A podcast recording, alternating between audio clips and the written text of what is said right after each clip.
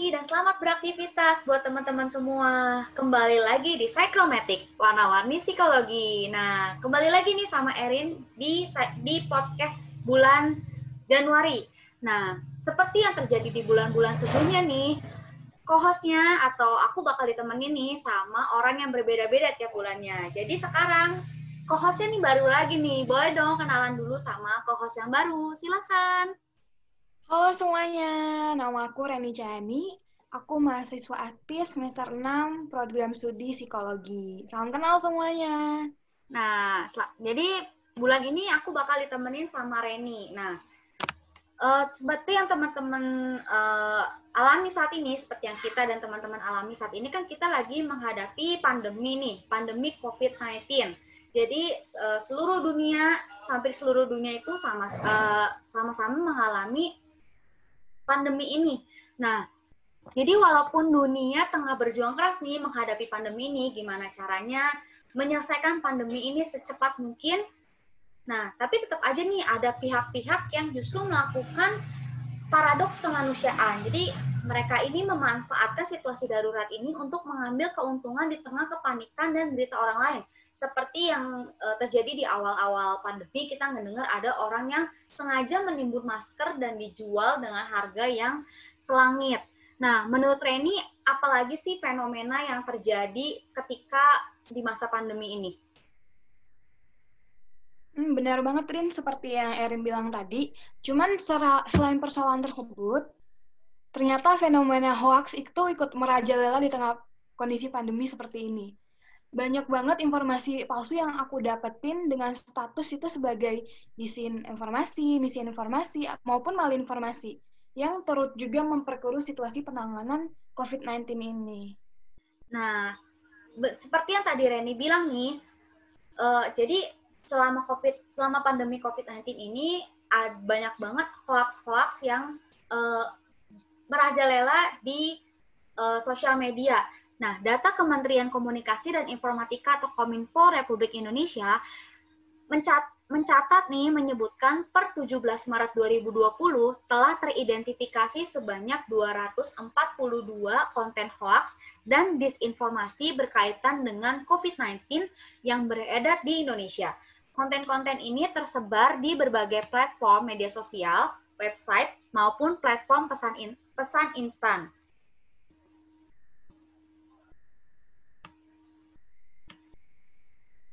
Iya, merebaknya konten hoax ini juga membuat kita tuh mengerutkan dahi, mengingat bahwa kayak publik itu sebenarnya sangat membutuhkan informasi yang terpercaya atau konten akurat di tengah situ, situasi pandemi seperti sekarang ini. Cuman ya sekarang banyak banget sih informasi yang terhampar itu ternyata konten-konten yang hoax. Apabila kita nggak hati-hati, publik itu bisa aja membuat kita tuh tertipu atau mempercayai konten-konten hoax tersebut. Nah, bener banget uh, apa yang Reni bilang. Nah, jadi kalau misalnya kita nggak hati-hati nih, kita tuh bakal termakan hoax nih. Terus ada lagi nih, efek dari disfungsi yang lebih dalam dari hoax ini adalah menimbulkan kecemasan ketakutan dan kepanikan.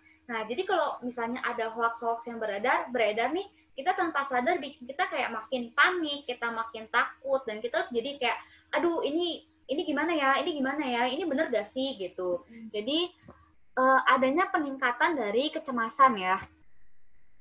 Iya, bener banget. Terus aku juga dapat info nirin dari Sekretaris Jenderal PBB dari Antonio Guterres juga menegaskan bahwa masyarakat tuh harus lebih waspada terhadap kabar bohong atau kabar yang tidak akurat dan informasi salah yang diedarkan melalui media sosial dengan tujuan bisa menebarkan rasa takut dan kepanikan. Situasi ini juga nggak hanya ter terjadi di Indonesia, namun di banyak belahan negara lainnya juga. Nah, jadi jadi ternyata bukan, jadi fenomena hoax ini ternyata nggak cuma terjadi di Indonesia aja ya Ren ya, ternyata di luar negeri hmm. juga masih banyak hmm. hoax mengenai pandemi COVID-19 ini. Nah, terus kemudian ada pertanyaan nih, kemudian apa sih yang apa yang harus kita lakukan supaya kita tidak ikut menyebarkan hoax? Nah, jadi ini ada beberapa tips dari Septiaji Eko Nugroho. Yang pertama, kita itu harus hati-hati dengan judul provokatif.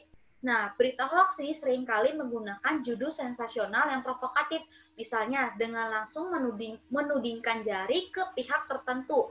Isinya pun biasa bisa diambil dari media media berita media resmi gitu. Terus tapi ditambah-tambahin, dikasih bumbu-bumbu dikit tuh supaya uh, masyarakat yang baca tuh uh, persepsinya tuh jadi beda gitu.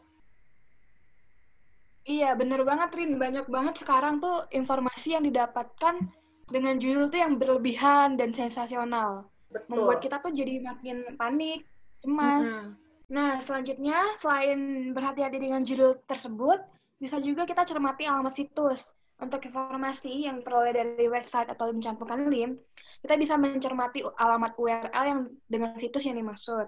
Berita yang berasal dari situs media yang udah terverifikasi Dewan Pers akan lebih mudah diminta pertanggungjawabannya. Nah, menurut catatan Dewan Pers sendiri, di Indonesia terdapat 43.000 situs Indonesia yang mengklaim sebagai portal berita. Tapi dari jumlah tersebut, ternyata yang sudah terverifikasi sebagai situs resmi, resmi itu nggak sampai 300. Artinya bahwa ternyata banyak puluhan ribu situs yang dapat menyebarkan berita palsu di di internet yang harus kita waspadai.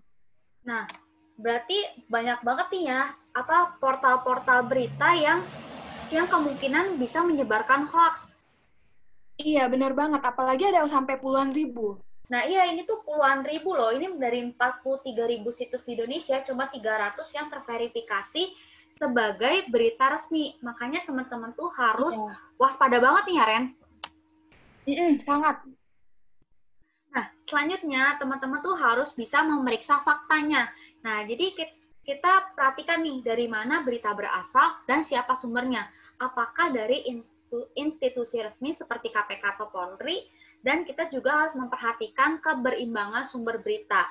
Nah, jadi ini tuh pentingnya kita tuh harus baca berita dari berbagai sumber supaya kita itu bisa nih dapat gambaran yang utuh. Jadi nggak cuma berimbang ke salah satu sisi aja atau satu pihak, tapi kita bisa tahu secara keseluruhan.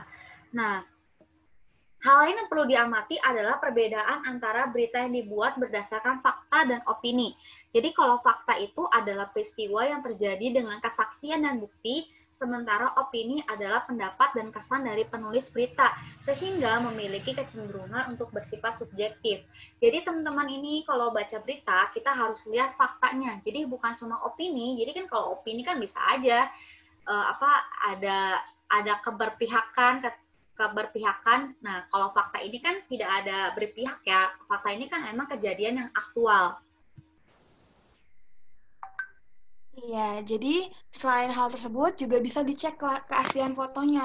Di era teknologi digital saat ini tuh banyak banget aplikasi-aplikasi yang bisa membuat kita tuh memanipulasi keaslian foto, melainkan juga uh, melainkan juga video gitu.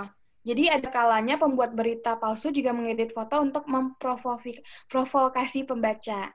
Nah, cara untuk mengecek keaslian foto bisa dengan memanfaatkan mesin pencari Google, yakni dengan melakukan drag and drop ke kolom pencarian Google Image. Kemudian hasil pencarian tersebut akan menyajikan gambar-gambar serupa yang terdapat di internet sehingga bisa dibandingkan. Nah, yang terakhir kita bisa nih ikut dalam grup diskusi anti anti hoax. Nah, jadi di internet nih di sosial media banyak banget ternyata grup uh, orang-orang yang membuat grup diskusi mengenai anti hoax. Nah, di di Facebook terdapat sejumlah fanpage dan grup diskusi anti hoax, misalnya forum anti fitnah, hasut dan hasut dan hoax atau FAFHH. Terus ada fanpage dan grup Indonesian Hoax Buster, fanpage fanpage Indonesia Hoax, dan grup Sekoci. Nah, di grup-grup diskusi ini, warganet bisa ikut bertanya apakah suatu informasi merupakan hoax atau bukan, sekaligus melihat klarifikasi yang sudah diberikan oleh orang lain. Nah, semua anggota bisa ikut berkontribusi sehingga grup berfungsi layaknya crowdsourcing yang memanfaatkan tenaga banyak orang.